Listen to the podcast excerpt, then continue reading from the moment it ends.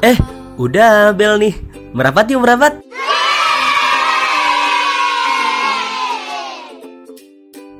Oke, halo.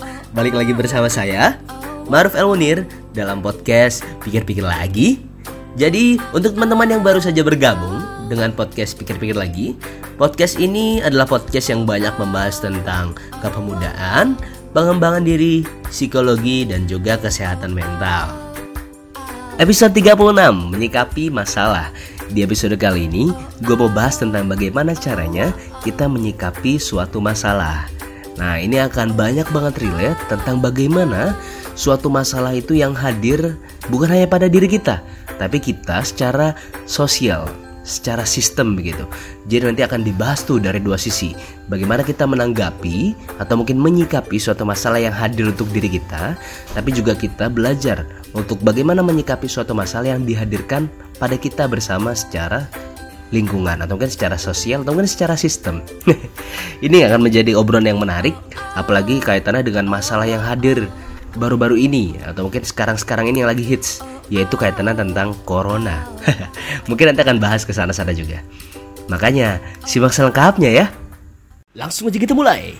3 2 dan 1.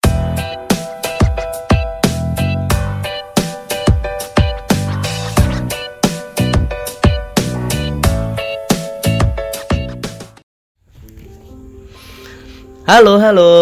Selamat pagi, siang, sore, malam untuk sobat pikir-pikir lagi yang sedang mendengarkan di mana pun berada dan kapan pun teman-teman mendengarkan.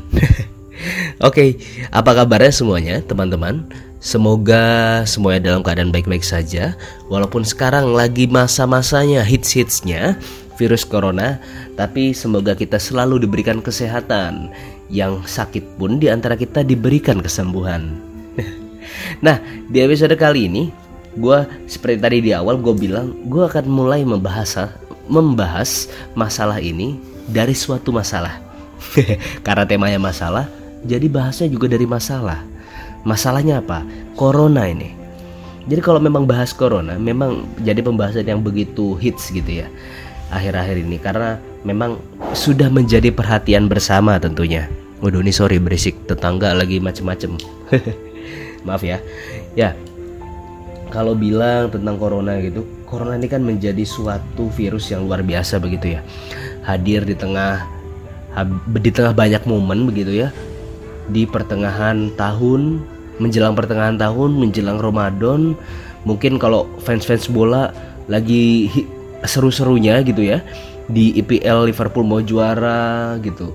Habis itu ngelihat UCL banyak yang mikir apakah kamu bisa comeback tim-tim yang udah kalah Juve semua segala macem Barca. Terus apalagi tuh? Ya banyak hal lah. Banyak hal yang akhirnya tiba-tiba gak jadi. Itu malah gue denger-denger kayak misalkan apa ya? Oh konser-konser juga banyak yang dibatalkan. Program-program pelatihan banyak yang dibatalkan. Terus apa lagi? Beberapa kota di luar negeri banyak yang udah melakukan lockdown gitu ini adalah menjadi sesuatu yang menarik. Oh iya, satu lagi, bahkan sampai kalau di Islam gitu ya, itu di Mekah di Masjidil Haram sampai sempat ditutup. Ditutup bukan berarti apa, tapi ditutup untuk dalam rangka mensterilkan supaya tidak ada penyebaran virus dan segala macamnya. Dah ini luar biasa geger, geger seluruh dunia. nah, tapi sebenarnya yang menjadi pertanyaan adalah gimana sih apa sih mau dibawa ke mana sih obrolan kita hari ini? Jadi obrolan hari ini gue pengen ngebahas lebih dekat lagi kepada kita kita sebagai warga Indonesia, netizen-netizen yang ada di sekitar kita atau mungkin kita sendiri yang memang menjadi netizen itu ya.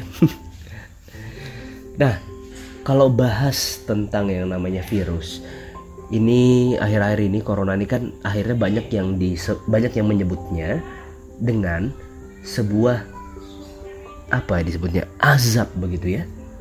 Ada loh ada yang menyebut ini dengan azab. Banyak yang mengkait-kaitan dengan oh ya pemerintah Cina yang ternyata sudah yang di yang dibilang sudah zolim ke masyarakat muslim sehingga diberikan cobaan. Cobaannya virus corona wah itu awal-awal hits banget.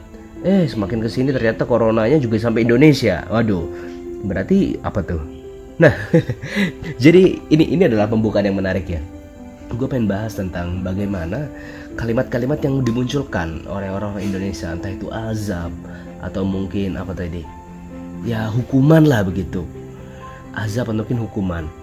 Itu kan sering terjadi gitu ya di sekitar kita. Kalau seandainya ada sesuatu yang tertimpa musibah musibah itu umum umum kan ya kalimat umum kan sebentar iya musibah itu kalimat umum kok. Jadi kalau misalkan saya bilang musibah itu adalah sesuatu yang umum ya. Maksudnya tidak arahnya positif atau mungkin negatif. Nah musibah di sini yang saya maksud misalkan seperti ini.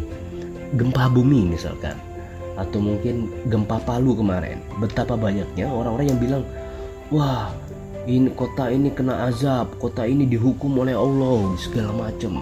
Sehingga diguncangkan. Terus apa lagi? Terus uh, apa? Tempat-tempat bermaksiat dihancurkan dan segala macamnya. Yang menjadi pertanyaan adalah apakah itu boleh? Aduh, ini jawabannya agak sulit antara boleh dan tidak. Tapi kalau misalkan nanyanya ke gua, gua lebih milih untuk bilang tidak boleh Kenapa begitu? Karena kita hidup dalam lingkup yang sosial, kita bersama-sama. Kita hidup dalam sebuah keberagaman. Kalimat-kalimat seperti itu adalah kalimat yang ya tidak sepantasnya lah kita menjadi apa sebagai manusia gitu ya menyatakan hal seperti itu. Cobalah sesekali kita mikir ada di sisi daripada korban.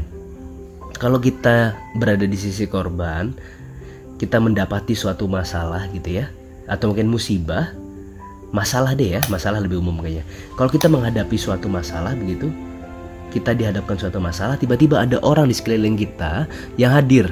Terus bilang mampus lu lagian lu sih apa apa apa apa dan segala macamnya. Mampus lu kena azab kan lu mampus lu diuji kan lu atau mungkin segala macamnya. Nah kalimat-kalimat ini harus kita hindarkan. Karena apa? Tentu itu akan menyakiti orang-orang. Ya cobalah dipikir sendiri ya siapa yang akan tersakiti kalau menggunakan kalimat itu. Nah tadi sedikit sudah gue singgung tentang menyikapi masalah. Dalam menyikapi masalah tadi gue di awal bilang kita tuh harus melihat dulu masalah itu kan ada yang memang datangnya untuk diri kita sendiri atau mungkin kita secara sistem gitu ya. Masalah datang uh, kepada kita yang misalkan sama-sama satu himpunan, sama-sama satu OSIS, sama-sama satu kampus, sama-sama satu Indonesia, sama-sama bangsa manusia dan segala macamnya. Kita tuh begini. Kalau semisal melihat kita, uh, eh, kita punya diri yang mikro gitu ya, tapi kita coba lihat yang lebih besar dengan sudut pandang yang lebih makro begitu. Dengan sudut pandang yang lebih makro ini, kita supaya bisa lebih menyadari dan lebih peka apa-apa saja yang ada di sekitar kita. Balik lagi ke perihal masalah. Gue bisa bilang, saat kita dihadapkan suatu mas dihadapkan oleh suatu masalah, kita punya dua pilihan untuk menyikapinya. Pertama, kita menyikapi itu, masalah itu sebagai sebuah cobaan atau mungkin azab. Dan yang kedua, kita menganggap suatu masalah sebagai sebuah ujian. Apa itu bedanya? Tentu yang namanya azab atau hukuman begitu karena kita melakukan kesalahan. Tapi kalau kita menganggapnya kita ada menerima sebuah ujian, itu adalah anggapan bahwasanya kita akan diangkat derajatnya. Anggaplah seperti itu ya. Kalau misal kita lagi di, duduk di bangku kelas 7 begitu. Kemudian kita diuji ujian tengah semester, ujian akhir semester gitu. Sampai akhirnya kita bisa naik ke kelas selanjutnya. Itu yang adalah ujian. Nah, sebenarnya arah arah obrolannya ke mana? Nah, ini arah obrolannya tuh di sini.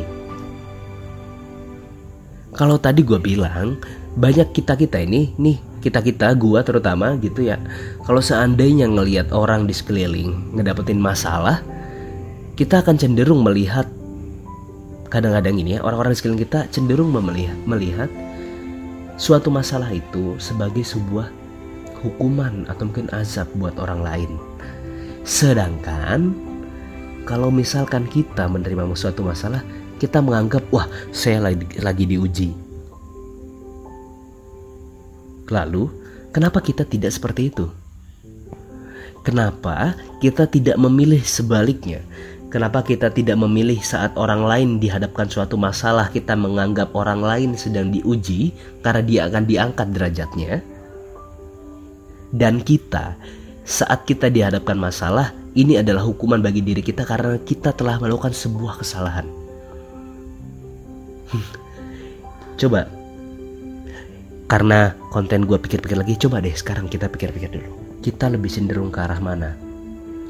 Apakah yang pertama, yang lebih menilai bahwasannya yang diterima masalah yang dihadapi oleh orang lain itu adalah hukuman sementara yang dihadapi oleh diri adalah ujian atau mungkin yang B yang sebaliknya melihat orang saat melihat orang lain dihadapi suatu masalah menganggap itu adalah sebuah ujian sementara saat diri kita dihadapi menghadap di diri kita dihadapkan oleh suatu masalah kita menganggapnya sebagai sebuah hukuman belibet ya agak terlalu cepat gue ngomongnya kayaknya.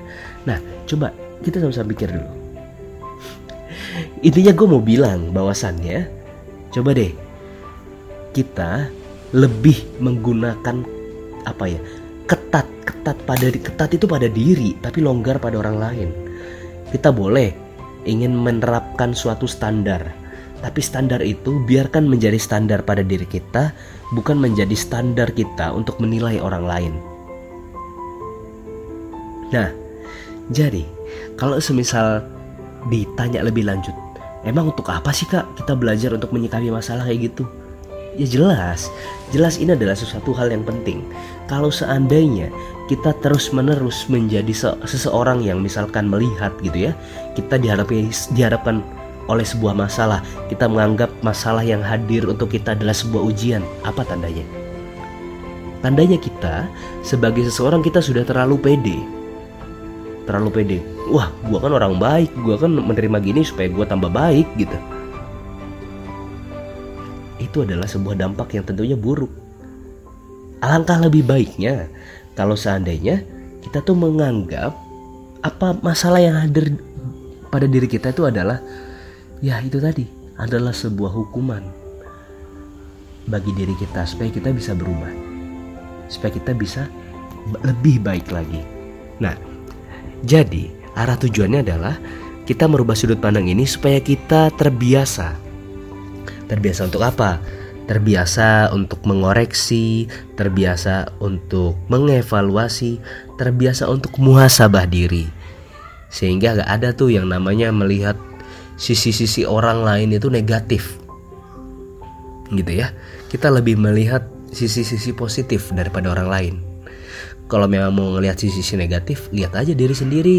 Nggak usah jauh-jauh, lihat orang lain. Ya, kita di sini sama-sama belajar lah untuk kali ini. Nah, kemudian selanjutnya terakhir nih yang mau gue bahas adalah kaitannya tentang suatu masalah yang hadir pada suatu sistem. Daripada kita memilih untuk menganggap gitu ya, masalah itu adalah sebuah cobaan atau mungkin azab, kita coba deh sekali-kali gitu ya mikir. Mikirnya adalah tentang apa sih kontribusi kita pada masalah itu. Semisal dilihat lebih makro gitu ya. Dilihat lebih makro misalkan kenapa sih kok bisa ada virus corona? Kenapa? Gak usah jauh-jauh ngelihat virus apa segala macem. Kita bisa menggunakan sudut pandang yang unik unik dalam arti terlepas daripada benar atau salah ya. Tapi ini adalah pola pikir yang saya ajarkan untuk bagaimana cara kita untuk mengupgrade diri kita. Saat dihadapkan suatu masalah begitu yang sistematis seperti itu dan juga sifatnya makro luas begitu. Misalkan kalau gue ditanya Ruf kenapa sih kok bisa ada virus corona? Gue bisa aja jawaban jawaban nyeleneh gue gue bilang gini ya mungkin karena gue pernah ninggalin sholat apakah itu apakah itu benar apakah itu salah kalau bicara benar atau salah tentu nggak ada yang bisa jawab. Karena apa? Kadang ya yaitu tadi. Misalkan gini, kalau misalkan ada suatu banjir gitu ya di Jakarta kemudian ada orang yang bilang ini gara-gara Pak Anies Baswedan apakah itu benar atau salah apakah kalau misalkan gubernur yang lain pasti nggak banjir misalkan? Atau mungkin malah mikirnya wah ini nih gara-gara hujan kiriman dan segala macamnya. Perkara benar atau salah itu kan? Itu dari mana kita memandangnya dan bagaimana tingkat kebenarannya? Nah di tataran-tataran inilah kalau kita ingin menjadi seseorang yang lebih baik gitu kita lebih memilih sudut pandang yang lebih dekat dengan diri kita saat ada masalah yang begitu luas sehingga kita fokus pada apa yang bisa kita perbaiki, bukan fokus pada hal-hal lainnya. Semisal, contoh yang paling gampang misalkan banjir tadi. Banjir gara-gara apa? Menyalahkan gubernur. Apakah itu salah atau benar? Gak usah dipikirkan apakah itu salah atau benar. Coba sekarang mikir kebalikannya. Apa yang lu lakuin sampai akhirnya Jakarta bisa banjir? Kalau semisal itu yang ditanyakan ke gua, gua jadi mikir alasannya adalah gue pernah buang sampah di Ciliwung misalkan. Atau mungkin gue suka buang sampah dimasukin ke selokan. Ya jadi itu tadi. Yang seharusnya kita tanamkan pada diri kita tentang bagaimana caranya kita bisa menyikapi suatu masalah eh sorry bukan bisa bagaimana cara kita menyikapi masalah karena gue yakin siapa pun nih dari kita pasti bisa lah menyikapi masalah. Cuma caranya yang berbeda-beda. Jadi di sini gue memberikan referensi tentang bagaimana kita menyikapi masalah begitu ya. ya udahlah. Untuk episode kali ini nggak usah terlalu panjang-panjang 15 menit aja daripada nanti semakin muter-muter. Karena jujurnya banyak yang komplain Mas kok muter-muter? Ya sorry emang guanya suka ngomong-ngomong jadi kadang muter-muter ya. Ya intinya di episode kali ini coba inget-inget dan atur banget yang namanya sudut pandang supaya kita bisa menyikapi segala hal itu dengan positif begitu ya. Jangan melihat orang lain itu lewat kekurangannya sementara melihat diri kita dari sisi kelebihannya. Coba kebalikannya. Ya. Ini sama hal dengan yang tadi kayak tentang masalah gitu ya. Apakah suatu masalah itu adalah sebuah ujian atau mungkin masalah itu adalah sebuah azab atau mungkin hukuman. Oke, ya udah episode ini gitu aja. Terima kasih untuk teman-teman yang sudah mendengarkan. Sobat-sobat pikir-pikir lagi. Jadi untuk teman-teman kalau semisal suka coba sesekali di repost. Eh di repost apa? Dimasukin di instastory misalkan di di WA di line di mana kek atau mungkin di grup WhatsApp keluarga. Grup WhatsApp keluarga kan kayaknya lagi rame itu mesti lagi ngomongin virus corona apa segala macam nggak apa-apa di share gitu. Iya gue jadi kepikiran. Coba iya dong lu share ke grup apa? Ke grup WA keluarga lu karena jujur gini cuy. Ada loh. Ada salah satu teman gue eh, sorry nih ya ujungnya jadi curhat di luar topik. Jadi pernah gitu ya ada orang yang curhat ke gue bilang gini mas makasih banget ya episode yang pengantar tidur. Soalnya ibuku suka dengerin kalau dia lagi susah tidur. Ini adalah sesuatu yang nggak nyangka aja. Nggak nyangkanya adalah wah ternyata malah sampai ibunya juga dengerin episode itu gitu ya itu ini aja sel sedikit selintingan lah. Supaya nggak melulu ini tentang topik kan ya. Kayaknya obrolan-obrolan kayak gini seru. Coba besok-besok kayaknya gue akan hadirin obrolan-obrolan kayak gini deh kapan-kapan. Terima kasih untuk teman-teman yang sudah mendengarkan. Jangan lupa di like di Spotify atau mungkin di subscribe di di apa? Di Apple Podcast gitu. Apple gue nggak nggak pernah buka Apple Podcast lagi nih ya sampai jumpa lagi di episode berikutnya saling mengingatkan ya supaya kita menjadi pribadi yang lebih baik lagi. Kalau semisal ada baiknya atau mungkin ada positifnya silahkan diambil. Kalau semisal ada kurangnya atau mungkin ada salahnya mungkin saya bisa diingatkan supaya tidak semakin banyak orang yang menjadi apa ya tersesat gitu gara-gara saya. ya itu aja kurang lebihnya mohon maaf. Wassalamualaikum warahmatullahi wabarakatuh. Dadah.